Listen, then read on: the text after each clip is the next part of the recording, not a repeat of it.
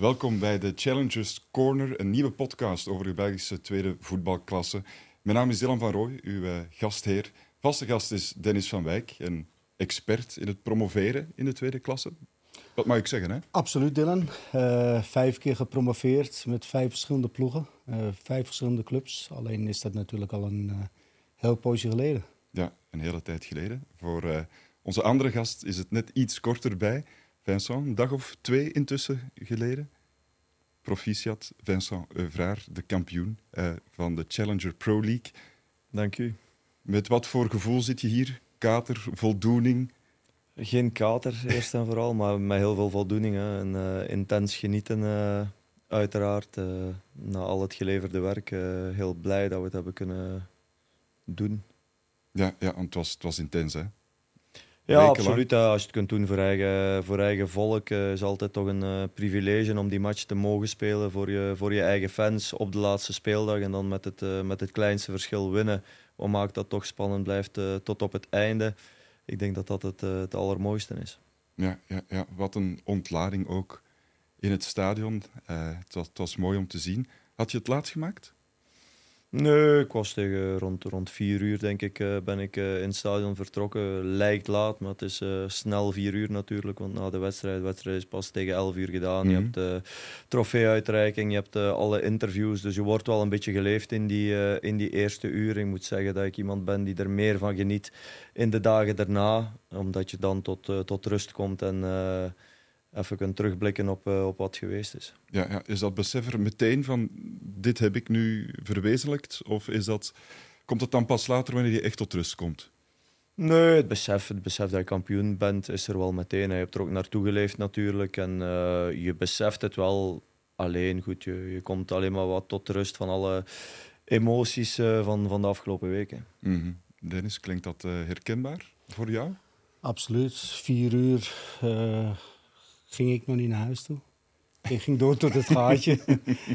maar ik was wat emotioneler. Vinnie uh, laat zich eigenlijk niet leiden of beïnvloeden door zijn eigen emoties. Of door emoties van een ander. Hij is altijd toch uh, eh, wat meer berekender uh, dan ik. maar ja, een fantastisch resultaat. Hè. Vergeet niet, dat eigenlijk is het al de derde keer dat hij promoveert. Hè. samen met Frankie bij Cerkel. Eigenlijk bij Leuven ook. Oké, okay, die, die testmatch dan verloren. Maar door, door ja, wat... Ja, de heenwedstrijd. De heenwedstrijd ja, van de finale, maar dan was er covid en dan is die ja. terugwedstrijd die is niet gespeeld geweest. Ja, het waren die promotiewedstrijden tegen, tegen Beerschot, de finale wedstrijden. Ja, dat klopt. Ja. Tel je die er zelf bij ook? Het is misschien... Dit voelt toch anders. Dit ja. voelt toch anders. Omdat we toen uh, hebben gewoon de, de terugwedstrijd niet gespeeld eigenlijk. En dan uh, in, uh, in juni heeft Leuven beslist om de samenwerking niet, niet verder te zetten.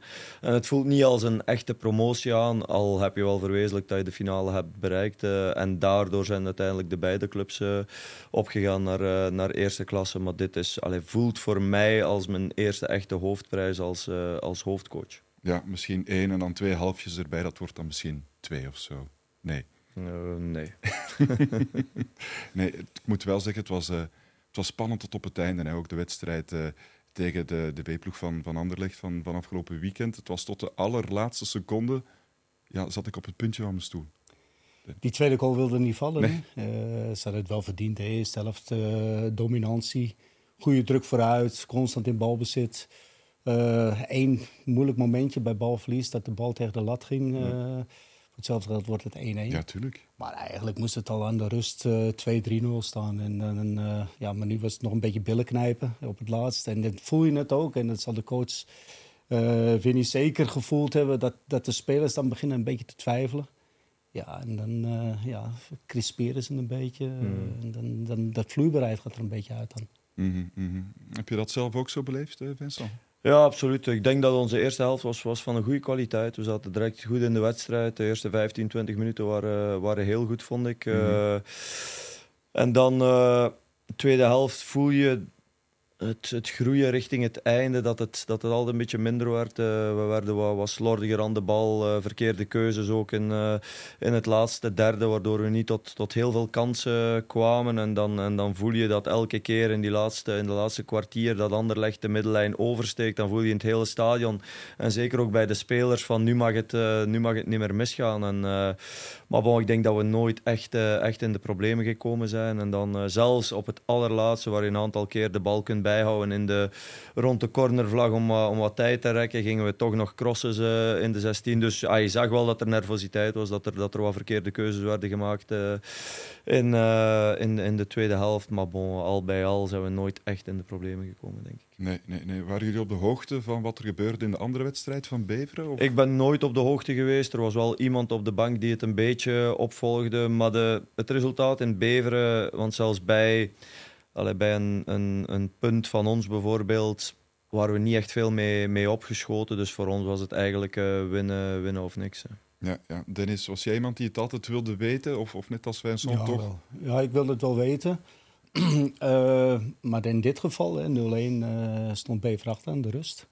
Dat keerde zich heel snel in de tweede helft. En ik was beide, beide wedstrijden een beetje aan het volgen. Ik zeg, oeh, dat gaat nog spannend kunnen worden. En, maar eigenlijk zijn ze nooit, eh, jullie zijn eigenlijk nooit in de problemen geraakt. Nee, en ik ben er altijd van uitgegaan dat Beveren zou winnen thuis ook tegen, tegen Club Next. Mm. En was het zo geweest dat wij niet aan het winnen waren, dan was het uh, interessant geweest denk ik, om de laatste tien minuten even te weten wat er op het, op het andere veld uh, gebeurde. Maar het is beter zo geweest, denk ik. Ja, ja, ja, ik vond het opvallend in de allerlaatste minuten van de, van de wedstrijd. Het, het, stadion stond op zijn kop, de supporters waren aan het vieren, de voorzitter een beetje aan het huilen, vol van emotie ja, je moet dan wel het hoofd uh, koel houden en dat ook overbrengen aan de, aan de spelers. Was, was dat moeilijk? Of? Het hoofd koel houden, dat ging wel nog. Maar bon, op zo'n moment dan, dan ben je toch een beetje toeschouwer hoor, als coach. Want je krijgt je spelers ook niet meer bereikt. Je wilt dat ze rustiger zijn. Je wilt dat ze nog wat kalmer gaan spelen. Je wilt dat ze de bal naar de cornervlag brengen. Maar er zitten 9000 mensen te schreeuwen en je, je, komt er, je komt er niet meer bij. Dus op dat moment is het gewoon uh, hopen dat je het kunt, uh, dat je het kunt volmaken. Ja, Dennis, jij zei dat je, dat je wat emotioneler was als, als coach. Hoe ging dat bij jou? Wij zijn twee verschillende types uh, in coaching. Hè. Uh, we hebben wel dezelfde filosofie voor een groot deel, maar in de coaching was ik wat meer explosiever. Uh, ik had wel proberen Biron te roepen om, dat om hem naar die cornervlag te doen laten lopen in plaats van die bal te spelen. Maar het is wat Vinnie zegt, 10.000 man. Het was van het eerste moment al een enorme sfeer in het mhm. stadion. Het geloof was enorm groot. En naarmate die tijd ja, verspeeld wordt eigenlijk, die mensen geloven er meer in. Het geluid gaat nog een beetje omhoog. Ja, wat je zegt, hè, je kan die spelers niet meer bereiken. Mm, mm. Ja, je voelde het ook, de ontladingen betekent enorm veel voor de mensen van Molenbeek. Hè?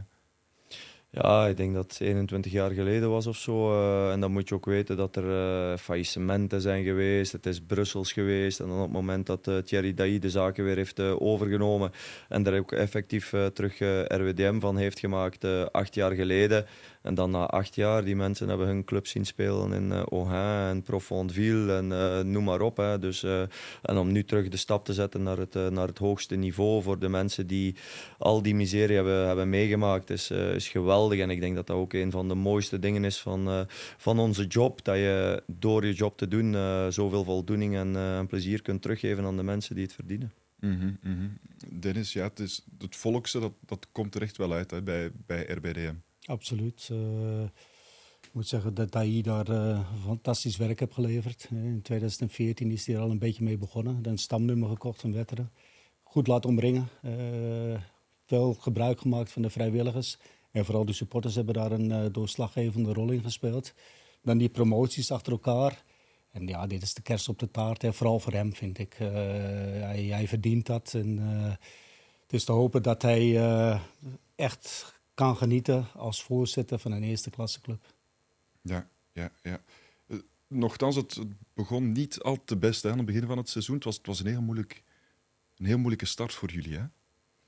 Ja, het was een moeilijke start. mede doordat we, of hoofdzakelijk doordat we heel laat geageerd hebben op de, op de transfermarkt. We eind augustus hebben we nog uh, tien spelers gehaald. Uh, ik denk vijf, zes uh, uit Brazilië bij, bij Botafogo, twee van Crystal Palace en dan nog de Sara en Chalouk als, als Belgen. Dus we zijn het seizoen begonnen met, met 13 of, of 14 spelers. Dus de spoeling was op dat moment heel dun. We hadden op dat moment nog iets te, iets te weinig kwaliteit om onze ambities waar te maken. Vrij snel na het aantrekken van die nieuwe spelers hebben we met, uh, met overwinningen, hebben we met overwinningen kunnen, uh, kunnen aanknopen. En uiteindelijk die, die rush naar voren toe kunnen inzetten. Hè. Want ik denk dat we na zes speeldagen, vijf of zes speeldagen, stonden we zesde of zevende in de, mhm. in de rangschikking. Dus we hebben echt wel een, eh, een remonte moeten, moeten maken om uh, te staan waar we vandaag staan. Ja, ja. het zou wel strik, uh, schrikken geweest zijn, denk ik, na die eerste speeldagen. Je mist net de promotie. En dan ja, moet je toch gaan achtervolgen. Was dat, ja, daar komt dan wel heel wat druk op, denk ik.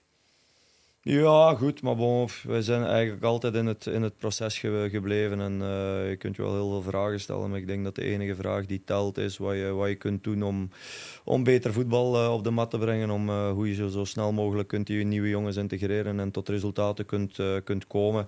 En dat is dan ook, dat is dan ook gebeurd. Ja, ja, op welke manier heb je dat gedaan? Meer structuur, de jongens wat leren kennen. Hoe, hoe zorg je ervoor dat die klik dan toch komt?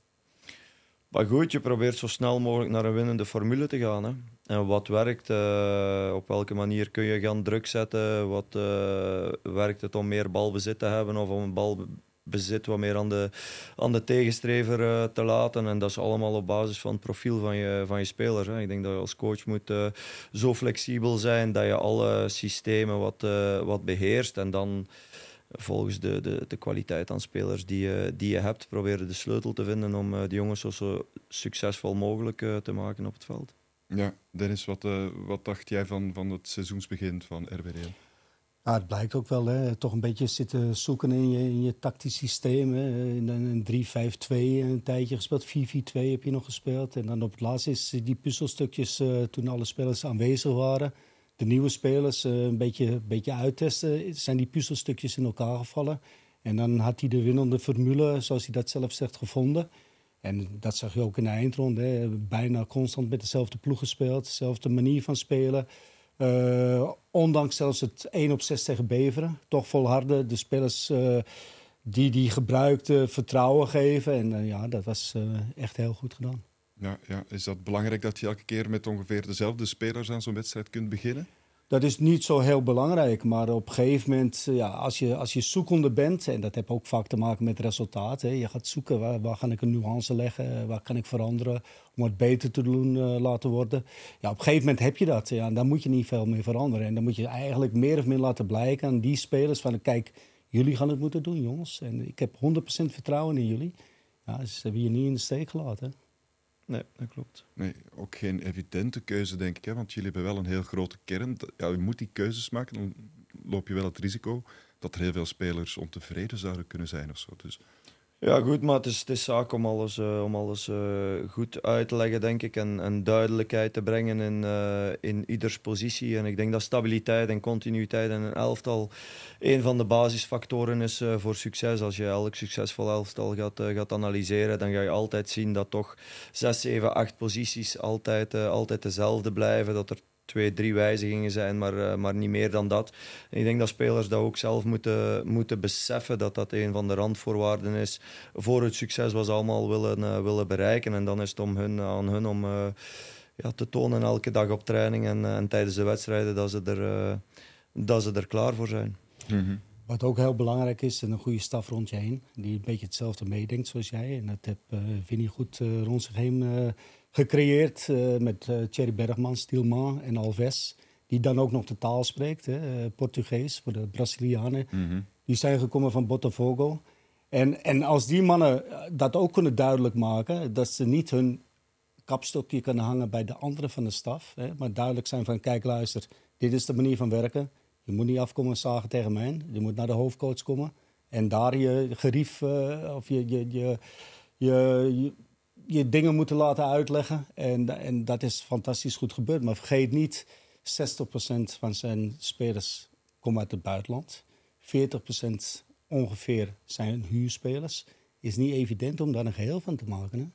En daar ben je in verve mee in geslaagd eigenlijk. Ja, de staf is daar ook, uh, ook ontzettend belangrijk uh, in geweest. Hè. Want zoals je zegt, als je die, die steun niet hebt en spelers die voelen dat er een, uh, dat er een opening is. Ik denk dat het eerste, het eerste team die gesmeed moet worden, dat dat ook een staf is rondom, rondom de hoofdcoach. En als die samenhoudt, dan, dan ben je een voorbeeld voor, voor de spelersgroep en die volgen dat voorbeeld ook. En dat is, dat is, ons, dat is een, een groot deel van ons succes geweest. En ook de inbreng van, van die jongens, van Jonathan Alves, van van, van Fred Stilma, die zijn voor mij als, als klankbord ontzettend belangrijk. En je hoeft niet altijd uh, in de details eens te zijn. Ik denk dat het belangrijk is dat je voor 80, 90 procent dezelfde visie draagt.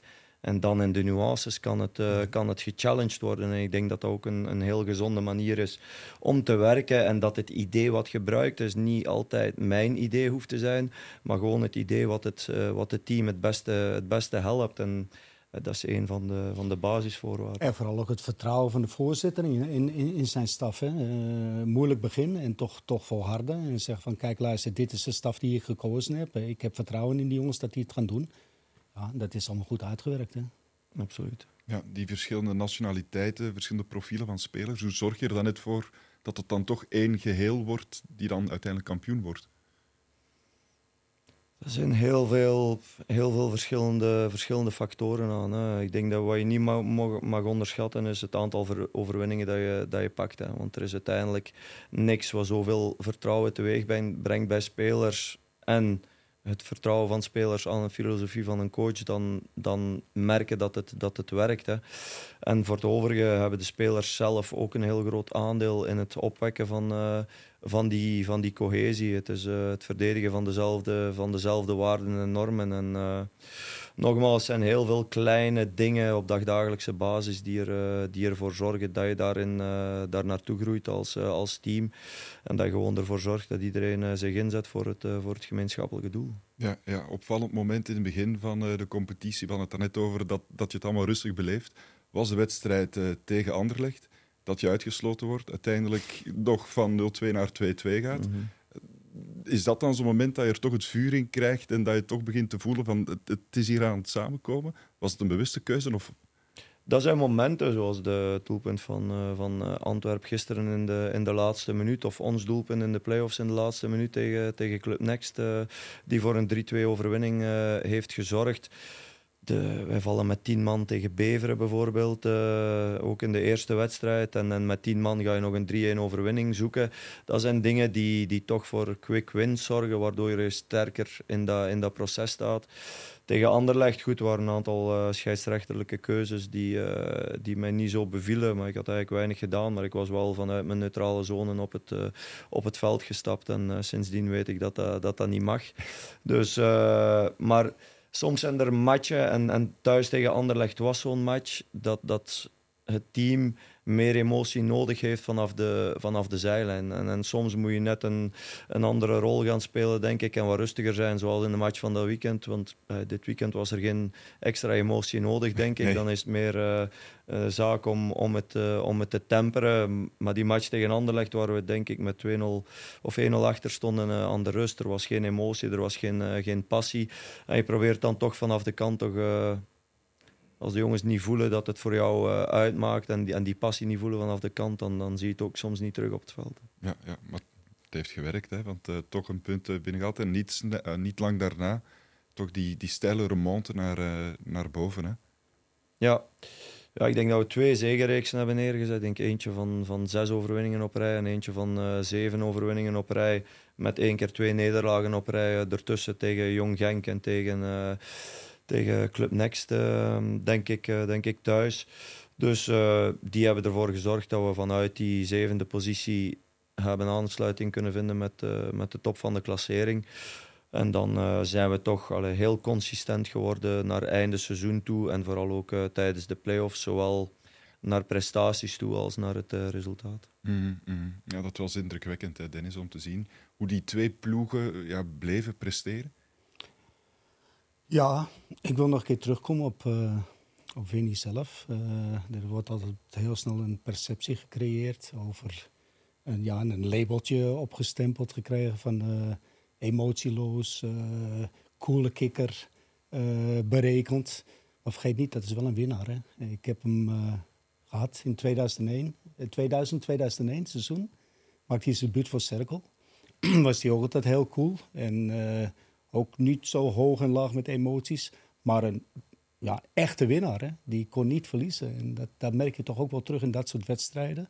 Dat op het moment dat het wat moeilijker gaat, dat die, die, die, hoe moet ik het zeggen, de wil om te winnen zo groot is, dat dat ook kan afstralen naar je spelers. En dat die die klik pakken, die klik oppikken. En dat ze dan eigenlijk toch nog die, die, die ja, hoe moet ik het zeggen, die grenzen kunnen verleggen in, in een overwinning. En, en daar speelt hij natuurlijk een hele grote rol in. Hè? En, uh, en eigenlijk mede daardoor is het zo spannend gebleven, omdat in mijn ogen, eh, maar ik ben daar misschien niet helemaal juist in, vond ik dat Beveren qua ervaring, qua, uh, hoe moet ik het zeggen, métier, qua, qua namen, misschien inhoudelijker wat, wat beter was dan, dan, dan Molenbeek. Dus dat maakt die prestatie alleen, alleen nog maar mooier en, en groter, mhm. die hij gepresteerd heeft. Die perceptie, stoort je dat soms? Dat mensen dat... Uh... Nee, ik denk dat mensen, mensen moeten denken wat ze, wat ze willen denken. Het enige waar ik mee bezig ben is, is met het proces wat wij in onze, in onze groep proberen te brengen. Voor ons zijn de resultaten heel belangrijk. Dat winnen is belangrijk, want het gaat, het gaat om winnen in, uh, in profvoetbal. Maar volgens mij win je door kwaliteitsvoetbal op de mat te brengen en, en door het hele jaar door ontwikkeling door te maken op, op alle vlakken van het spel. En door elke dag 100% van, je, van jezelf te geven. En dat zijn drie, drie waarden die wij, die, wij, die wij uitdragen. En wat de mensen uiteindelijk uh, over mij denken. Ik denk dat ik de kwaliteit van mijn, uh, van mijn werk laat spreken. En ik ben er ook van overtuigd dat dat, dat enige is wat zal spreken op, uh, op langere termijn. En als dat goed genoeg is, dan, dan zal ik mijn pad wel wel afleggen. Ja, ja wat, wat Dennis net zei over Beveren, ja, daar spelen wel wat grote namen. Als je die, als je die zag, dacht je van, goh, wat gaan we hier nu moeten doen om er tegenover te stellen? Of? Nee, ik vind dat we in de onderlinge confrontaties tegen Beveren altijd wel uh, de bovenhand hebben, uh, hebben kunnen halen. Het is wel zo natuurlijk dat zij met, uh, met Mbokani, met Barry, met Ribeiro heel veel kwaliteit en, en statistieken hadden. Dat ze heel heel, heel efficiënt waren in, uh, in de afwerking. Ook met Koopman nog, met Hogas, die dan nog uh, heel vaak op de bank zaten, maar vanaf de bank ook, uh, ook het verschil konden maken. Maar ik heb ons altijd ah, stevig genoeg gevonden om met dat team van Beveren competitief te zijn tot op het einde. En dat is ook gebleken. Ja, ja het, was een, het was een echte tweestrijd. Die laten amper iets liggen en, en Beveren ook niet. Dat is intens, zo'n heel seizoen lang. Ja, dat is intens. Hè. zeker naar het, uh, naar het einde toe. Hè. Ik denk dat Wim de uitspraak heeft gedaan na de match tegen ons dat er geen van de twee ploegen 9 op 9 zou, uh, zou halen. En uiteindelijk halen we allebei 9 op 9. Dus het is echt uh, tot het einde geweest. En dat is natuurlijk het nadeel van, van het feit dat er maar één kampioen is en één ploeg die mag opgaan. Want Beveren staat met lege handen na, na een seizoen waarin je 68 punten hebt, hebt behaald. Dus, maar bon, dat is het systeem. Ja, Dennis, RWDM, terechte kampioen, mooie kampioen? Absoluut. Als je al uh, de koppositie pakt uh, eh, 4 februari en het niet meer afgeeft, dan ben je in mijn ogen de, de terechte kampioen. Absoluut. En ook de manier van spelen. Altijd druk vooruit, hoge druk, negatieve pers, press. vanuit eigen, van achteruit uit voetballen proberen. Uh, dat kost je nog bijna een puntje tegen. Hè? Een paar keer onnodig balverlies. Maar veel vertrouwen, uh, drive. De wedstrijd tegen Beerschot was, was eigenlijk heel erg goed van het begin. En dan zag je eigenlijk wel het, verschil tussen de top 2 ploeg en de rest. en, en, en, en, en nogmaals, zoveel wind, beste verdediging. dan ben je terecht kampioen, absoluut. Ja, ik heb ook de indruk dat dit het soort voetbal is dat uh, de toeschouwers wel kunnen, kunnen smaken bij RWDM. Dat het past bij, bij die volksclub. Drive, Ja. Niet opgeven, altijd volgaan. Uitgaan van je eigen sterkte. Uh, ja, dat wordt zeker gesmaakt daar. Mm -hmm. Merk je dat ook, Vincent? Ja, maar ik denk dat dat ook als, als coach uh, een afweging is die je moet maken op het moment dat je, dat je bij een club aan de slag gaat. Je hebt natuurlijk je eigen, je eigen persoonlijkheid die ook moet passen bij, bij de club. Je hebt de DNA van de club en je hebt de kwaliteiten van je, van je spelersgroep. En ik denk als die drie dingen matchen, dat je, dat je wel een succesverhaal uh, kunt schrijven. Ik denk dat onze manier van voetballen, die gebaseerd is op, op heel veel intensiteit in de, in de pressing, op, op snel en, en verticaal voetbal, maar over de grond als het, als het kan dat die inderdaad wel uh, heel goed past bij de, bij de vurigheid en de intensiteit die de, die de fans met de club hebben. Ja, ja, wat maakte volgens jou het verschil tussen dat jullie nu kampioen worden en Beveren net niet? Waar, waar lag het hem in? Ja, goed, waar, waar ligt het verschil in, in een punt? Hè? heel, moeilijk, uh, heel moeilijk te zeggen. Ik denk dat wij uh, op een gegeven moment hebben, hebben de bovenhand gehaald. Ik denk het feit dat, dat het zo lang heeft geduurd voor het verschil is gevallen of, of de uiteindelijke resultaat beslist is geweest, is de onderlinge confrontaties tijdens de play-offs, waar wij maar 1 op 6 pakken en, en te weinig bedeeld worden daarmee, denk ik, gezien de prestaties in die, uh, in die twee wedstrijden. Maar waar uiteindelijk het verschil is gemaakt tussen de twee ploegen, is, is moeilijk te zeggen. Ja, Dennis, waar, waar ligt volgens jou de sleutel? Ik denk het teamspirit. Ik denk dat dat, uh, de jongens waren bereid uh, om voor elkaar door het vuur te gaan.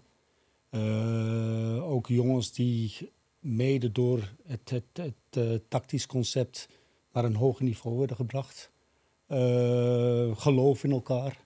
En ook het vertrouwen van bovenuit in, in de staf en in de spelers. Ik denk dat dat heel erg belangrijk is.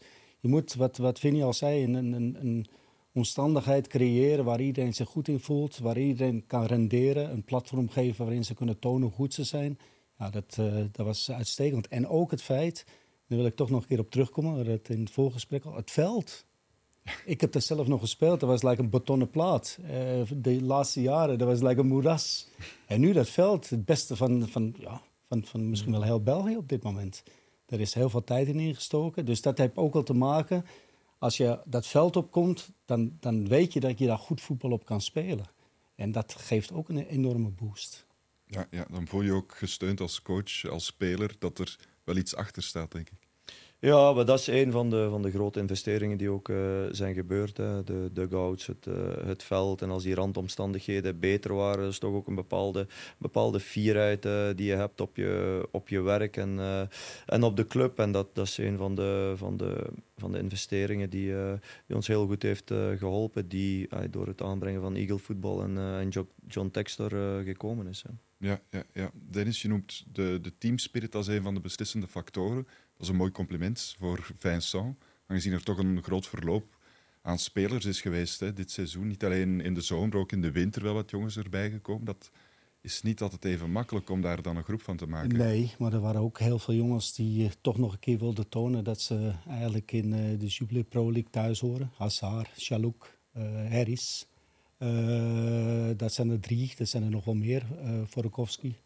Uh, die, die ook bij, bij Beerschot dat uh, ja, niet gelukt is. Uh, dus ja, oké, dat geeft ook een extra motivatie voor die spelers. En, en dat zal er ongetwijfeld mee, gemaakt, mee te maken hebben. Hazard die een, moeilijk, eigenlijk een moeilijk seizoen had, vond ik wel. Maar dan in die play-offs totaal ontbolsterde. Die, die heeft echt getoond dat hij, ja, dat hij toch die creativiteit heeft om, om toch nog potten te breken in, op, op het hoogste niveau. Ja, ja, bij Hazard heb ik het gevoel dat hij dat nodig heeft. Van die belangrijke wedstrijden om, eh, om recht te staan. Die heeft, het, die heeft het vuur wat nodig, moet wat voelen. Ja, maar ik denk dat de coach daar ook uh, wel iets mee te maken heeft om hem belangrijk te laten voelen. Uh, hij, zelfs nu tegen, tegen Anderlecht vond ik hem geen goede wedstrijd spelen. Maar als hij in de bal is, er is altijd dreiging, er gebeurt altijd iets. En, en, en oké, dat, dat mislukte nu meestal. Maar, maar je voelt dat als tegenstander ook. Hè. Hij heeft de bal, oeh, we moeten opletten nu. En, en dat heeft ook te maken met de manier van spelen en belangrijk maken. Ook zijn positie, want hij heeft in het begin ook soms als tweede spits gespeeld. Nu kan hij wat meer zwerven. Ik denk dat dat hem ook beter legt. Mm -hmm. Hazard werd overwezen bij Cirkel stond bekend als een jongen met een handleiding. Het begin was wat wisselvallig, denk ik. Ja, het duurt even tegen dat je de handleiding gelezen hebt. het, is een, het is een dikke handleiding, maar ah, Kilian is een heel, is een hele goede een hele goede gast. Is, uh, maar heeft zijn, heeft zijn persoonlijkheid, is heel intelligent. Is heel intelligent. Waar bij hem soms wel aan ontbreekt, is, is de honger om, om elke dag te presteren. En ik ben iemand die daar heel, heel hard in gelooft, ook omdat het leven mij geleerd heeft dat dat de weg is om, om de top te bereiken. En, en dat je heel veel terugkrijgt als je, als je elke dag op het veld alles van jezelf geeft. Dat dat de, de basis is om, om beter te worden, om uh, ontwikkeling uh, door te maken. En ook om in het weekend, uh, in het weekend te presteren. En ik denk als je 50% geeft in de week, dan, dan is het heel moeilijk en dan heel weinig gegeven om, om top te zijn in het weekend, elke week opnieuw. En dat is wat de topspelers, dat is wat het verschil wordt, uh, wordt gemaakt. Hè. Ik toon soms aan de jongens uh, een video van, uh, van Arjan Robben, die bij Bayern München op het einde van de training nog een kwartier blijft om gewoon wat dribbles te doen en dan in die verre hoek binnenknallen. En hij heeft duizenden doelpunten gemaakt zo op, tijdens zijn tijdens zijn, zijn carrière. Maar op het eind van zijn carrière deed hij nog altijd dat extra werk om, om dat te doen. En, en dat is gewoon, dat is voor mij de basis. Dat is iets wat Kilian niet altijd gedaan heeft en, en, soms problemen mee heeft. Maar als hij dat doet, dan, dan, dan is het een, een geweldige, geweldige voetballer. En dat heeft hij nog maar eens bewezen. En hij is uiteindelijk en daar ben ik blij om. We hebben altijd gehamerd op zijn uh, gebrek aan, uh, aan statistieken. Maar hij komt de play-offs uit. Ik, ik weet ze nu niet helemaal van buiten. Maar ik denk zeven doelpunten en,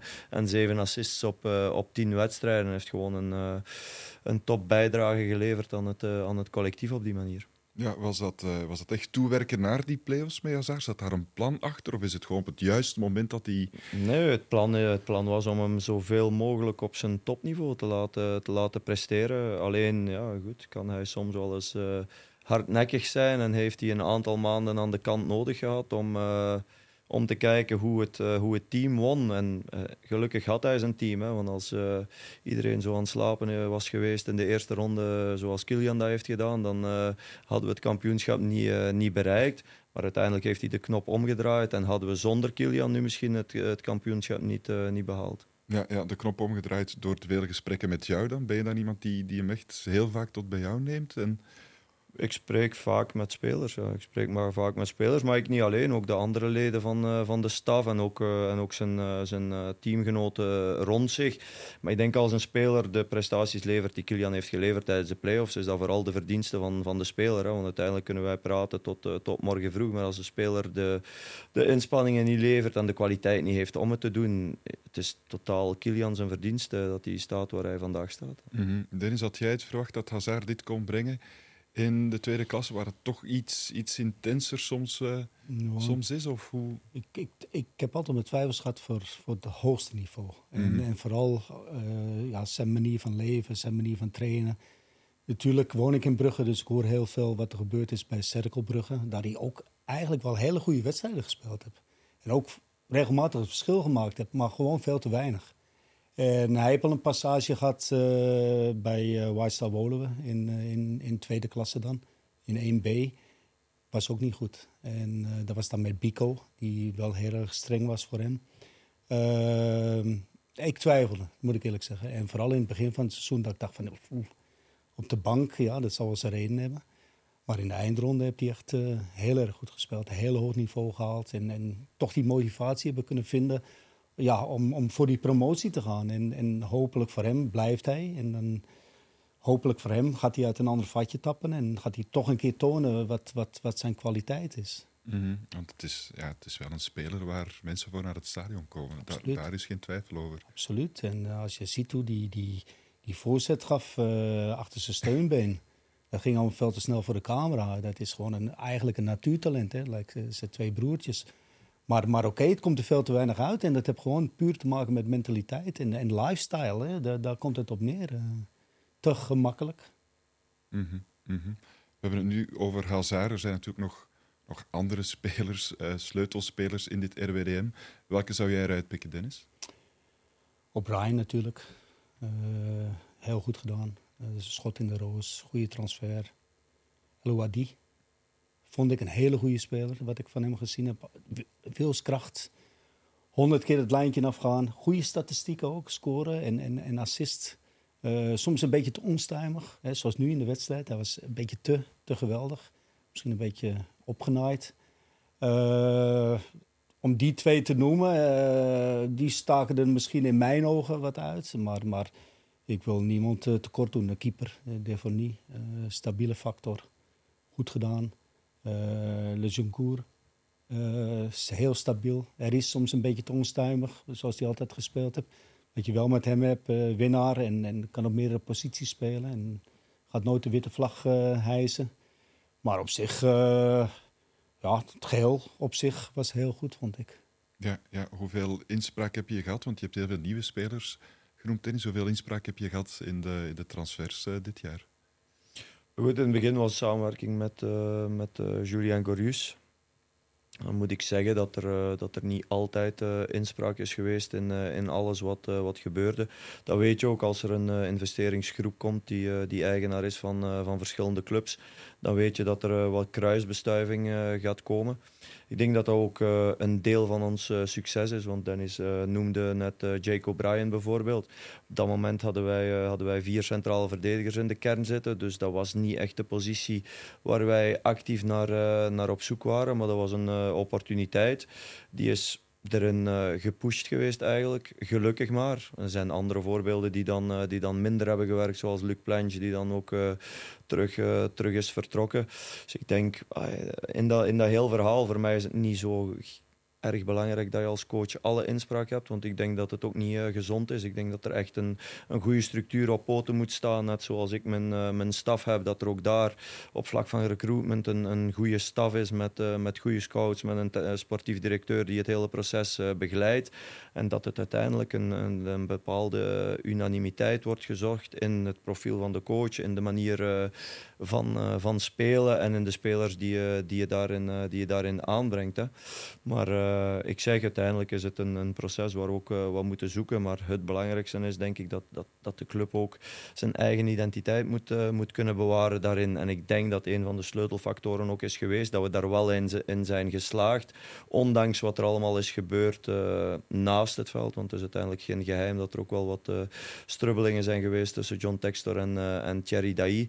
Maar ik denk dat we in, in de kleedkamer wel iets hebben kunnen creëren dat we allemaal RWDM zijn en allemaal voor het, uh, voor het gemeenschappelijke doel uh, strijden.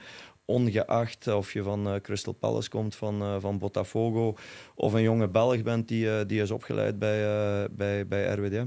Ja, ja want daar, daar zeg je het wel. Er is heel veel gebeurd, ook, ook buiten het veld. Bij RWDM, dat lijkt me niet heel comfortabel om daarin het zo goed te doen.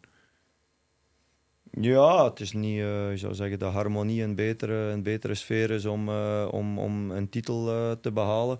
Maar nogmaals, het belangrijkste is wat er, wat er in de kleedkamer is gebeurd. En ik denk dat op een gegeven moment de spelers een voorbeeld zijn geweest voor, voor de rest van de club. Wat samenhang en, en cohesie betreft in, in moeilijke omstandigheden. -hmm. Dat heeft nooit zijn weerslag gehad op de spelersgroep.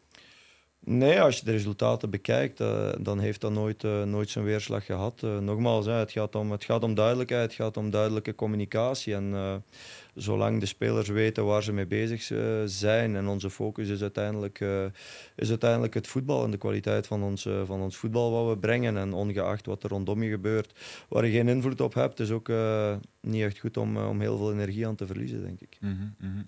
Dennis, wat, wat je nu hoort, klinkt dat herkenbaar bij periodes bij andere clubs? Absoluut. En dan is het aan, jou als coach om, om te blijven focussen op je groep en uh, de dingen waar eigenlijk voor jou belangrijk is.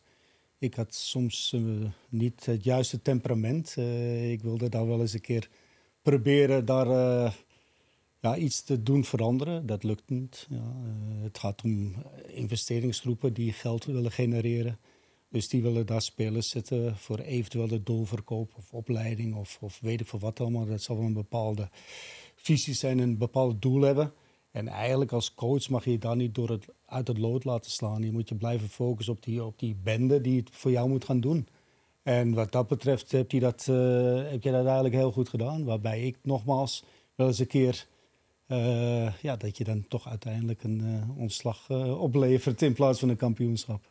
Wat, wat, wil je daarmee, wat, wil je, wat wil je daarmee zeggen? Ja, oké, soms krijg je spelers in je maag geduwd. Ja. Eh, dat eigenlijk afval is bij andere clubs. En die zijn gewoon niet goed genoeg. En, en, en, en belangrijk is dat je niveau van je trainingen niet naar beneden laat gaan door dat soort spelers. En daar moet je een oplossing voor vinden. En, en, en de oplossing is niet, wat ik dan wel eens een keer gedaan heb, om te gaan klagen. Om te zeggen van ja, oké, eh, dat is niet goed. Je moet er binnen ons kamers met je trainingsstaf daar ja, desnoods apart laten trainen of weet ik veel wat allemaal. En ik heb wel eens een keer gebruld of uh, ja, uh, me vergalopeerd. Om dan tegen de eigenaar te zeggen van ja, hey, hallo, uh, die moet ik eigenlijk wel niet hebben, want dat is niet goed genoeg. En dan zegt de eigenaar, ja, maar jij, jij bent werknemer. Jij moet meer of min doen wat ik zeg. En je moet ze maar, je moet ze maar trainen en proberen beter te maken. Ja, en dat gaf dan een, ja, een slecht gevoel. En, en de, de, werkverhouding was dan een beetje vertroebeld. En, en ja, dan weet je als coach dat je dat toch nooit gaat winnen. Je moet zorgen dat de resultaten goed zijn. En, en ja, de spelers die je dan in je maag geduwd krijgt, ja, je moet er maar mee gaan werken. En dat uh, vind je natuurlijk fantastisch goed gedaan. Mm. Maar ik denk dat het fundamentele recht en, en wat altijd moet bestaan, is dat de coach zijn eigen beslissingen neemt over de spelers die in de, die in de, die in de kleedkamer zitten. En op het moment dat dat niet meer het geval is en je wordt gepusht om echt spelers speelminuten te geven ten koste van de club en het, en het algemene doel, ik denk dat dat gewoon de lijn is die ik, eh, die ik voor mezelf uh, trek en ook altijd zal trekken, want uiteindelijk wordt je afgerekend op, uh, op de resultaten. En, en die moeten blijven bestaan. En zoals Dennis zegt, als, als dat ten koste gaat van, of spelers ten koste gaan van de kwaliteit op training, dat is wel een moment om, uh, om aan de alarmbel uh, te trekken. En dat heb ik ook, uh, dat heb ik ook altijd gedaan. Ik heb een heel open en directe relatie met, met John Textor. Die heb ik ook altijd al gehad met, met Thierry Dailly. En ik denk dat binnenskamers belangrijk is om, uh, om de gesprekken te voeren die nodig zijn. En soms is dat niet, niet altijd leuk om, uh, om te horen langs, uh, langs een van de twee kanten. Maar ik denk dat dat ook een van de, van de sleutelfactoren is geweest. Ja, gaat het dan nu ook om de acht Brazilianen van Botafogo die, die plots voor de deur stonden? Ja, goed, maar het was niet zo dat die, dat die plots voor de, voor de deur stonden. Hè. En, en, ik zeg uiteindelijk, sommige jongens zijn niet goed genoeg bevonden. Die hebben ook uh, geen enkele minuut gespeeld. Anderen, zoals Oyama en, uh, en Barreto, hebben, hebben een heel belangrijk aandeel in, uh, in dit kampioenschap. En, en ik denk dat wij in ons, in ons eerste jaar met een, uh, met een investeerder en, en één, onmiddellijk het kampioenschap pakken, maar twee, ook een bijdrage van Jake O'Brien die, die van bij Crystal Palace komt, van Oyama Barreto die van, uh, van Botafogo komen en in de, in de tweede ronde Camilo die van, die van Lyon is gekomen. Zo hebben we eigenlijk van, van elke zusterclub, om het, om het zo te zeggen, hebben een speler die een, die een aandeel heeft gehad. Al ben ik er ook van overtuigd dat je heel hard moet waken over, over de identiteit van je, mm. van je club. En dat de spelers die komen zich, uh, zich daaraan moeten aanpassen. En, en ik, ho ik geloof al in het, in het multiclub verhaal, maar alleen maar als elke club een, een heel sterke identiteit uh, behoudt. En bij ons heb je dat gezien met, met Zakaria Elwadi, een, eh, een, een jonge Belg. We hebben nog andere Belgen. Is het sowieso ook met de, met de Belgenregel die, uh, waar je een mm. minimum aantal Belgen moet, moet opstellen. En ik denk dat we, een hele, dat we daar een hele leuke leuke mix uh, in hebben gevonden. En als je gaat overdrijven en je gaat verwachten dat dat met 9 of 10 Brazilianen de titel gaat pakken in, in 1B, dat was dit seizoen niet het, uh, niet het geval geweest. Nee, nee, heb je druk ervaren van, van bovenaf om toch bepaalde jongens wat, wat meer kansen te geven? Of? Er zijn uh, goede gesprekken geweest. Ja. Ja, ja. Er zijn goede gesprekken geweest. Er is, uh, er, is een bepaalde, er is een bepaalde druk geweest. Er is een bepaalde challenge geweest. Maar ik denk dat elke coach en elke club een bepaalde challenge he heeft met de, met de investeerders. Het is normaal dat mensen die hun geld investeren en heel veel geld investeren. Ik denk, uh, zijn mensen die met bedragen hebben genoemd van, van de match van 20 miljoen euro of zo. Ik weet niet over, over hoeveel geld het precies gaat, maar het gaat gewoon over veel geld. En wij dragen veel verantwoordelijkheid. En, en ik heb er absoluut geen probleem mee dat, uh, dat mijn, mijn mening uh, gechallenged wordt. Alleen dan heb je de prestaties en de resultaten om uh, bepaalde zaken uh, te weerleggen. En je moet gewoon discussies voeren. En, maar vooral als coach gewoon geloven in je eigen, in je eigen principes ook. Ja, dan moet je sterk in je schoenen wel staan. Ik zal, het, ik zal het aan Dennis vragen. Absoluut. maar het is wat Vinnie zegt, je moet je eigenheid niet verloochenen. Mm -hmm. En jouw visie zeker niet. En, en als het dan botst met, met de eigenaren, wat, wat regelmatig botst, ja, dan ben je als trainer toch kansloos. En dan kun je alleen maar rechtzetten door, door te winnen. En als je dan niet wint, ja, dan weet je dat je pap opstaat. En, uh, kun je je koffertje al pakken en dan weet je dat bij de eerste nederlaag ja, dat, je, dat je moet vertrekken. Dat is bij mij ook wel gebeurd. Ondanks dat ik veel succes heb gehad, heb ik ook heel veel teleurstelling gehad wat dat betreft. En dat die visie dan niet strookt met, met iemand die zijn geld investeert in die club waar jij werkt. Ja, oké, het zij zo. En dan, dan neem je afscheid en dan ga jij naar de volgende. Maar ik blijf erbij, als ze de coach niet laten werken in zijn manier, ze geven de coach al het vertrouwen, ze geven hem die job. Nou oké, dan moet hij zich kunnen ontplooien en met de spelers die hij toegewezen krijgt. En als er dan druk komt om iemand te moeten laten spelen, dat gaat nooit niet goed aflopen. En er zijn voorbeelden genoeg van, van clubs, nu ook, eh, die dan dat forceren. En, en, en spelers in, in, in een kern stoppen die gewoon veel te weinig kwaliteit hebben. Ja, en dan, dan op een gegeven moment stopt dat toch en dan gaat de ploeg degraderen of, of, of ze zakken of, of de eigenaar stapt op. Uh, dus, dus ik vind gewoon, zoals ze dat dit jaar gedaan hebben, met iedereen zijn inbreng kunnen. Hè, Texter als grote baas, DAI met ook heel veel know-how en kunde. Uh, de coachingstaf en, en, en, en van, van een klein gedeelte nog Gorius. Dat is de beste manier. En tot consensus komen en, en zeggen van oké, okay, dan gaan we dat doen. Ja, ja. Ben jij fan van zo'n concern, van Textor, van een Textor en verschillende clubs in één portefeuille? Ik ben daar niet een grote fan van, omdat ik dat al meerdere keren gezien heb dat dat uh, niet altijd heel goed afloopt. Omdat, uh, nogmaals, die kruisbestuiving, zoals hij dat mooi uh, noemt, dat, dat de, de kleinste club krijgt me meestal het afval in zijn maag geduwd. En hun kunnen met die vier clubs kunnen ze ja, vissen in een vijver van van, van 200, 300 spelers. Hè? Als, je, als je de A-kern hebt, je hebt de, de beloftekern en noem maar op allemaal. En, en jij moet wel spelers kunnen halen of krijgen die in jouw filosofie passen, in de manier van spelen die jij voor ogen hebt. En, en niet uh, een, afvalbak uh, zijn waarbij spelers die het vijfde wiel in de wagen zijn bij Botafogo of bij Lyon, in jou in je, in je, in je, in je darmen gedrukt krijgt en dan, dan maar moet meewerken. Dat gaat nooit werken. Dat, dat gaat nooit lukken. Nooit, absoluut niet. Nee, nee het heeft ook voordeel natuurlijk. Hè, want wat uh, Vincent zei, iemand als Jacob Bryan, die had anders nooit bij RWDM gekomen. En als je aan de supporters vraagt wie, wie is de belangrijkste speler, ze noemen hem en het is een verdediger. Absoluut. Dat zegt veel. Kan ook werken. Hè. Uh, Union, Brighton, uh, dat werkt wel. Hè. Er zijn heel veel jongens die nu het mooi weer maken bij Brighton, die, een passage hebben gehad bij, bij, bij Union. Dus het kan wel werken, maar, maar het moet echt goed gestructureerd zijn. En iedereen moet daar wel zijn zeggenschap in hebben. Er moet niet beslist worden dat als, hij, als Winnie zegt dit moet gebeuren, dat dat gebeurt. Nee, je moet nogmaals tot een consensus komen en zeggen van oké, we zoeken een linkerbak. Kunnen we die vinden in die vijver? Oké, dan pakken we hem. Kunnen we hem niet vinden? Oké, dan moeten we ergens anders kijken. Hm. En, en zo, zo hoort het. En, en ook uh, de, de, manier van scouten bij Lyon gebruiken bij, bij, bij Molenbeek. En als dat gebeurt, een goede wisselwerking, ja, dan is daar niks mis mee.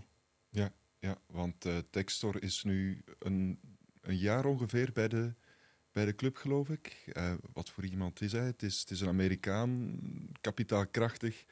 Uh, zat in de entertainmentsector. Is het iemand met wie je echt over voetbal kunt praten? Moeten we hem inschatten? Hij is wel heel geïnteresseerd in, uh, in voetbal en houdt wel heel erg van het spelletje. Ja.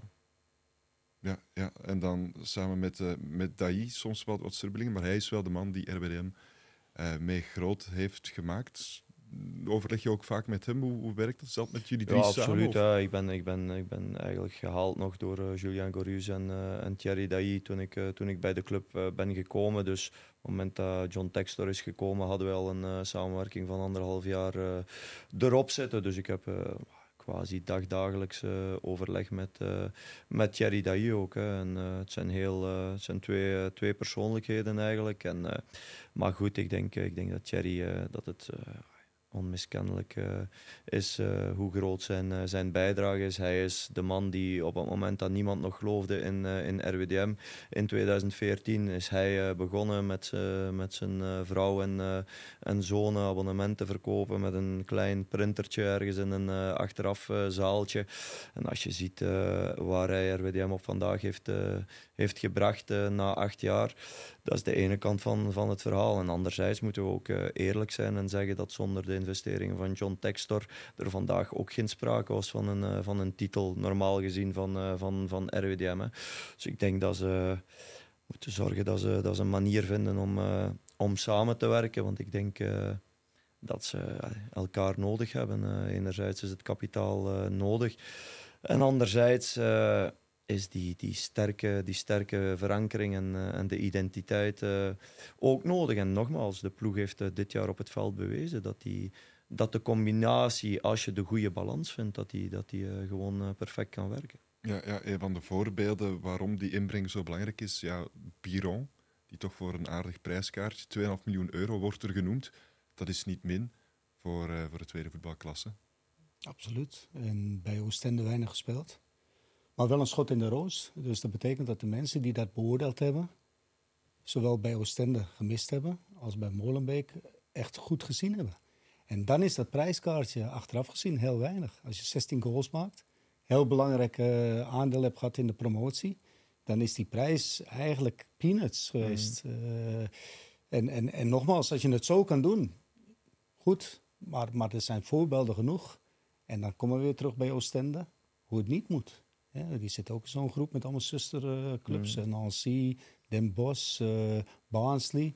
Ja, en daar gaat het niet goed. En, en, en dat mag je ook als voorbeeld nemen hoe het niet moet. En je kan dan, wat ik net al zei, Brighton Union pakken hoe het wel moet. En, en als je daar een voorbeeld aan neemt en in die manier gaat werken, natuurlijk kan het lukken. Absoluut. Biron is bijvoorbeeld een voorbeeld die, die echt door onze scouting, door uh, Julien Gorius en, en door mij heel veel uh, is, uh, is bekeken en die dan op tafel is gelegd bij de, bij de eigenaar, die uiteindelijk beslist heeft om het, om het te doen. Dus dat is dan een voorbeeld waar het eigenlijk uit de eigen allee, waar alle partijen eigenlijk uh, unaniem mhm. zijn over een speler. En soms zijn we niet unaniem en worden ze toch gepusht en zijn ze toch een, uh, een succes. En langs de andere kant is er dan, uh, zijn er dan mensen die al, die al bij ons zaten. Dus het kan eigenlijk alle richtingen uit. Alleen moet er altijd één ding voorop staan, denk ik. En dat is het, het succes van, van, van RWDM. En dat is het allerbelangrijkste. En daar heb ik me dit jaar ook, ook heel erg verantwoordelijk voor gevoeld. Om de supporters te geven wat ze, wat ze verdienen, namelijk dit, uh, dit kampioenschap. En daar hoort ook bij sommige dingen afblokken, omdat ze niet de beste, de beste keuze zijn. En het is net als Dennis zegt, je moet een coach daar ook de vrijheid voor geven om, uh, om het te doen. Ja, ja, het gaat ook heel snel natuurlijk voor RWDM. Dan is het logisch dat de structuur soms nog moet meegroeien. In 2015 je zei het daarnet, uh, Dennis, komt die recente versie of die nieuwe versie van RWDM naar boven. Heel snel tot in de tweede voetbalklasse geraakt. nu meteen ook al promoveren naar, naar eerste. Ja, dat, zijn dat dan groeipijnen? Of? Oh ja, dat heeft elke club. Hè. Uh, wat ze wel heel goed gedaan hebben, het vertrouwen blijven houden in de coach. Hè. Eerste jaar negende geëindigd, verleden jaar net niet, vorig seizoen net niet, nu wel. En dat is een teken dat de continuïteit uh, heel belangrijk is. En, en uh, de woorden van uh, Dai zijn niet veranderen, maar verbeteren. En als je dat kan blijven doen, de goede dingen houden en dat nog een beetje verbeteren, ja, dan, dan gaat dat misschien wel een succesverhaal worden. Ja, ja. Iets anders. Deze Challenger Pro League, de huidige competitieformule. Wat vind, wat vind jij daarvan, Dennis? Het is, het is spannend tot op het einde geweest. Absoluut. Ja, dat, eh, dat was het goede van de zaak. En ook de twee beste ploegen uh, hebben tot het einde gestreden daarvoor. Wat ik ja, toch twijfelachtig vind, en dat is ook al jaren in de Nederlandse eerste divisie, de, de keukenkampioen, de KKK-divisie, dat het andere reglementen moeten worden voorschreven in verband met de belofteploegen. Het kan niet zo zijn dat je bijvoorbeeld één week tegen ja, uh, jongens van de Akenen speelt en de week daarna uh, tegen niemand van de Akenen speelt. Dat is een soort competitievervalsing. En dat hebben we nu gezien bijvoorbeeld in de laatste twee wedstrijden. Club Next speelde de laatste wedstrijd eigenlijk met geen grote namen, alleen Henry.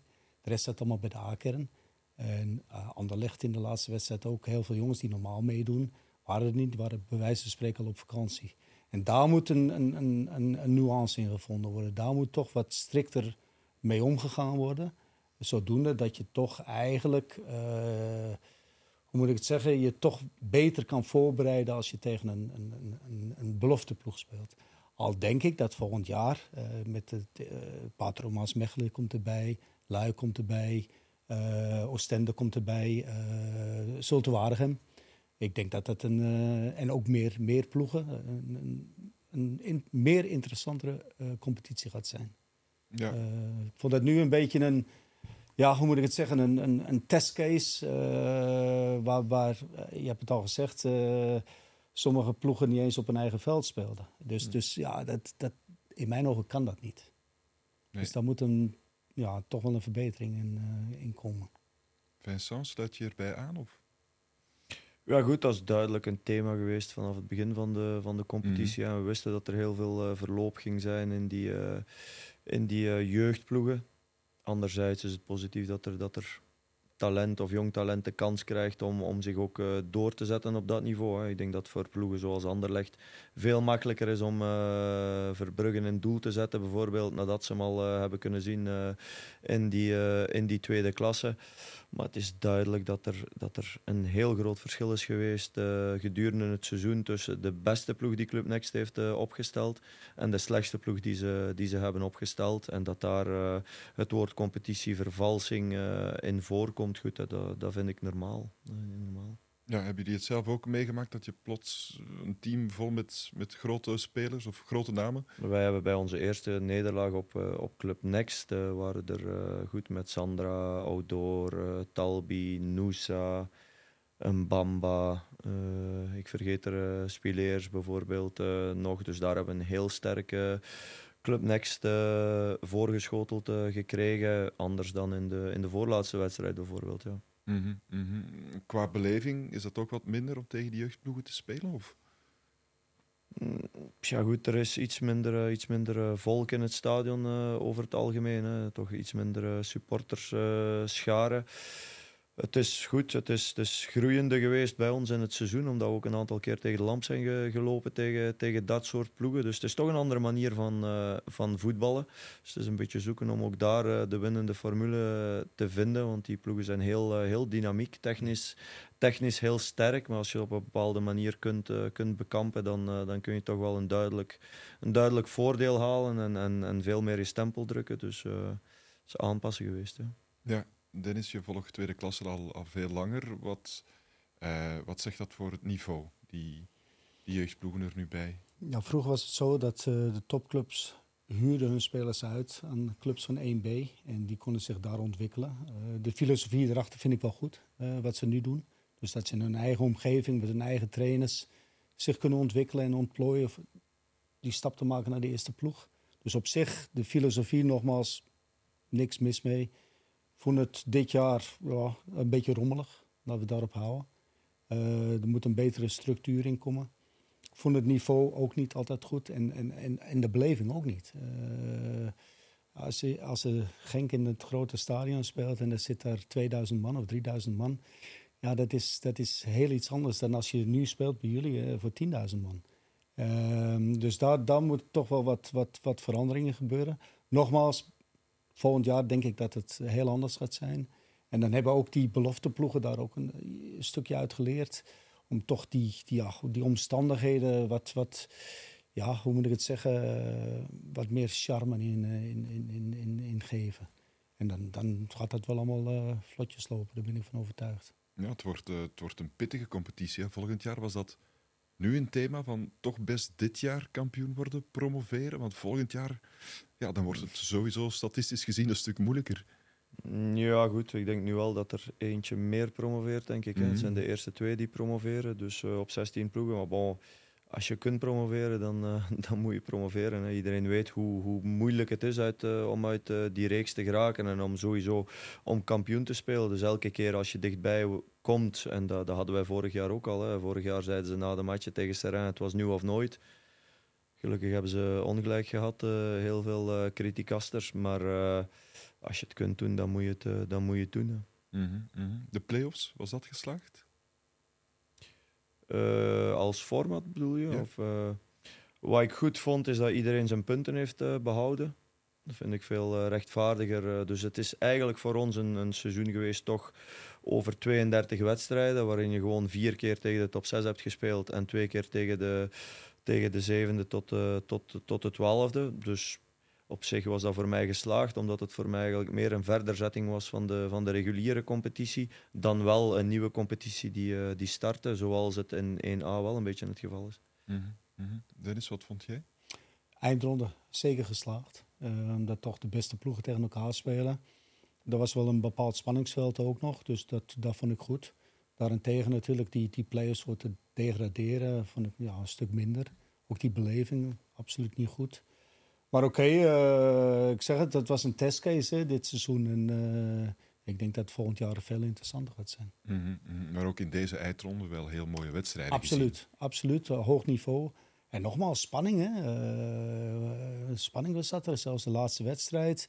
Ook, ook in Beveren. dus ja, dan is het geslaagd. Als er spanning is tot het laatste seconde, wie gaat promoveren, ja, dan is het geslaagd natuurlijk. Ja, dus. ja. En een prachtige kampioen daar, daarbij. Heeft dit team nog heel veel nodig voor volgend jaar in de eerste klasse? Ik vind van wel. Ten eerste moet je eerst kijken wat gaat gebeuren met de spelers die gehuurd zijn. Dan moet je gaan kijken wat er gaat bijkomen uh, vanuit de Eagle Group, hè, laten we het zo maar houden. Uh, en, en, en natuurlijk denk ik dat je toch in elke linie toch wel serieus wat versterking uh, nodig hebt. Uh, staat het allemaal wel goed, maar gaat O'Brien blijven? Dat weet niemand. Uh, er zitten wat jongens die nog groeimarge hebben, vind ik. Uh, Biron onder andere, vind ik dat hij dat die nog kan groeien. Elouadi, die kan nog groeien. En zo zijn er nog wel wat. Maar, maar eerste klas is toch een stuk sterker dan, dan de tweede, het tweede niveau. Dus, dus um, ik denk wel dat er wat bij moet komen. Ja, dat zeiden misschien mensen ook over Union, maar die hebben zich toch ook goed kunnen, kunnen handhaven in eerste klasse. Maar toch zeg je toch wel wat ja, wel, vooral in de breedte, zeker. Ja. Uh, Westlo heeft het ook goed gedaan. Mhm. Mm -hmm. Maar vergeet niet dat uh, de, de, meeste ploegen die dan promoveren... Oké, okay, Union is dan een, een enorme uitzondering... Uh, maar die nog in die winnaarsmentaliteit zit. De spirit zit nog goed. Uh, je, bent, je voelt je toch een stuk onoverwinnelijk. Uh, het, het publiek staat erachter. het enthousiasme. En dan kan je natuurlijk altijd wat meer dan, Mhm. mm -hmm. dan anders. Mm -hmm. Dus, dus belangrijk is om een goede start te nemen. want anders begint er alweer paniek. je, kent, je kent het met, met, een, met een rijke eigenaar. Ehm, ja, dan... dan gaan er misschien rare dingen gebeuren. Gaat er misschien nog een hele bus met, met spelers toekomen. Dat ik niet bevorderlijk vind. Ik vind dat je al relatief vroeg je kern moet samenstellen. Hier en daar kan er nog wel wat verbeteren. Uh, maar niet in, in grote lijnen, zoals dit jaar gebeurd is, uh, dit seizoen. Uh, dus je moet toch wel een week of vier, vijf... toch wel ja, je geraamte van je kern samen hebben, vind ik. En dat is natuurlijk altijd een vraagteken als er een investeringsgroep aan het bewind staat. Wat zijn hun in, in, interesses? Wat, willen hun bereiken? En aan het einde van de dag gaat het maar om één ding. Ze hebben geld geïnvesteerd om rendement te krijgen. Misschien niet direct, maar toch op, op lange of op middellange duur. Dus, dus, dus wat dat betreft is, zijn er nog heel veel, heel veel vraagtekens, denk ik. Mm. Vincent, heb jij ook vraagtekens? Heb je toch al wat meer antwoorden intussen gekregen daarover? Of? Nee, ik heb ook, uh, ik heb ook heel veel uh, vraagtekens. Hè. Dat heb ik ook aangegeven onmiddellijk, uh, onmiddellijk na de wedstrijd. Dat het, ik heb nog een tweejarig contract voor mij. Maar goed, er, er dringen zich wel wat gesprekken op. Ik denk dat het heel belangrijk is om een, om een gedragen visie te hebben waarmee je duurzaam succes kunt, kunt bereiken. Ik denk dat we dit jaar, dit seizoen groeipijnen hebben gekend daarin. Zowel op als, als naast het veld. Maar ik denk dat, dat duidelijkheid, dat duidelijkheid het belangrijkste is. En ik denk dat John Textor en, en Thierry Dailly goed hun ei moeten leggen, ook, uh, ook allebei. En uh, dat er dan een gesprek moet zijn wat het, uh, wat het sportieve betreft. Hè. Mm. Maar bon, goed, ik, ik zal, RWDM zal voor altijd in mijn hart zitten, sowieso. Omdat de afgelopen 2,5 jaar, die zijn voor mij sowieso al onver, onvergetelijk. Ik hou van die club, ik hou ook, ik hou ook van de fans. Maar uh, nogmaals, het is, het is, heel belangrijk dat de, dat de identiteit van, uh, van RWDM bewaakt wordt en, uh, en ook verder uitgedragen wordt om, om succesvol te zijn, ook, ook in de volgende stap. Mm -hmm, mm -hmm. Concreet word, ik, wat... word ik daar in twijfel? Ja? Om te blijven of niet? Op dit moment, ja. ja eerlijk waar. Eerlijk waar. Omdat het, nogmaals, hè, maar het zijn gesprekken die, die intern uh, zullen moeten, moeten gevoerd worden. Maar ik denk dat het uh, dat duidelijk is om te weten welke, welke weg we willen, we willen bewandelen. En als wij om een of andere reden die weg niet kunnen samen bewandelen, dan gaat het ook verder hè, voor, uh, voor mm. beide partijen. Maar als we samen in een verhaal verder stappen, dan moet er, dan moet er, wel, dan moet er wel duidelijkheid zijn. Ja, concreet, wat, wat verwacht jij van van het bestuur? Wat heb je nodig om, om verder te gaan met, uh, met dit RWDM? Zoals ik zei, duidelijkheid. Maar ik denk dat dit niet uh, de juiste plek is om, uh, om dat te bespreken. Ik denk dat ik dat face-to-face -face met, met hun moet, moet bespreken. Maar het is duidelijk dat bijvoorbeeld de strubbelingen tussen, tussen John Textor en, en Thierry Dailly, dat die niet bevorderlijk zijn of zijn, zijn geweest voor, voor duurzaam succes van een van een voetbalclub. Net zoals uh, na het ontslag van, uh, van Julien Gorius is er op dit moment geen, uh, geen sportief directeur bij onze club. Er is geen recruitment, dus van waar, gaan, van waar gaan de spelers komen? Wie gaat zich daarmee, daarmee bezighouden? Het zijn toch allemaal zaken die, die belangrijk zijn. Verdere uitbouw van de infrastructuur ook, hè, want in Brussel is het niet zo simpel qua, qua oefencomplex. Dus die omstandigheden zijn ook niet, zijn ook niet altijd, altijd top geweest. Dus ah, er, zijn heel veel, er zijn heel veel zaken die, uh, die besproken moeten worden om, uh, om de verdere stappen uh, te zetten. Ja, in een interview zei de grote man John Textor dat hij, dat ook meer naar de Belgische markt wil kijken, ook met de, ja, de Belgenregel in het achterhoofd te houden. Ben je daar al van op de hoogte gesteld dat het zich concreet gaat zetten? Of? Nee, maar goed, ik denk door de quota aan de Belgen kun je, kun je sowieso niet, uh, niet anders. En ik denk dat het nogmaals, qua, qua verankering en qua identiteit ook gewoon een, uh, een heel belangrijk gegeven is om met Belgen sowieso, maar ook, maar ook jonge Belgen te werken en, en om, om exact die, die goede mix te vinden en niet, en niet te overhellen naar een extreem of naar de extreme voorbeelden van die multiclubstructuren waar het, uh, waar het niet werkt en het niet uh, bevorderlijk is met, uh, met de resultaten. En nogmaals, het is, ik moet mezelf gewoon kunnen terugvinden in het, in het verhaal, net zoals ik me heb kunnen terugvinden in het verhaal die we 2,5 jaar geleden hebben, hebben opgestart en die het is een beetje het einde van een cyclus nu, vind ik, die, die promotie. Nu komt er weer een volgende stap, dat is goed, maar het is gewoon aanvoelen waar het, waar het naartoe gaat. Ja, dat is belangrijker dan die goesting en die drang om nu met die team verder te gaan naar 1A. Het moet echt volledig juist zitten. Ja, het moet juist zitten, ja, voor mij wel. Ja. ja. Dennis, je bent dan een paar keer gepromoveerd. Voelt dit ook herkenbaar aan? Want het is vaak inderdaad een, een, een, hele nieuwe structuur die opgezet moet worden. Veel vraagtekens, twijfels. Absoluut. Uh, het, het, ik heb ook al uh, wel eens gepromoveerd en dan ook de club verlaten. En op zich is daar helemaal niks mis mee. Uh, als jij niet kan vinden in de, in de manier van werken dat voor ogen, voor ogen staat, ehm, dan moet je het gewoon niet doen. Want het heeft geen nut om je daar aan te gaan beginnen te irriteren. dan in de pers dan zeggen van ja, en dat en dat en zie je la. Nee, dat, dat leidt alleen maar af. Als jij er geen goed gevoel bij hebt, moet je het niet doen. En dan zijn er altijd wel manieren om afscheid te nemen. En je gaat dan altijd op je palmarès. Ik blijf erbij die drie promoties hebben. Dus je gaat altijd wel een ploeg vinden. En, en, en de club die moet dan maar verder. En die moet dan maar een coach vinden die zich wel kan vinden in die structuur en de manier van werken. Uh, dus dat, dat, dat komt heel herkenbaar voor, absoluut. Maar je mag de fout niet maken, uh, wat ik toch ook regelmatig gedaan heb, dan toch meegaan en eigenlijk al een slecht gevoel. En zeggen van, oh, dat gaat niet goed komen. Hè? Want er is te veel onduidelijkheid. Maar in die emotie toch meegaan om te zeggen, oh, dat gaat me wel lukken. En zie, maar meestal lukt het dan toch niet. En dan na drie, vier, vijf maanden sta jij op straat. En, dan heb jij die ploeg naar eerste klasse gebracht voor een groot stuk. Hè?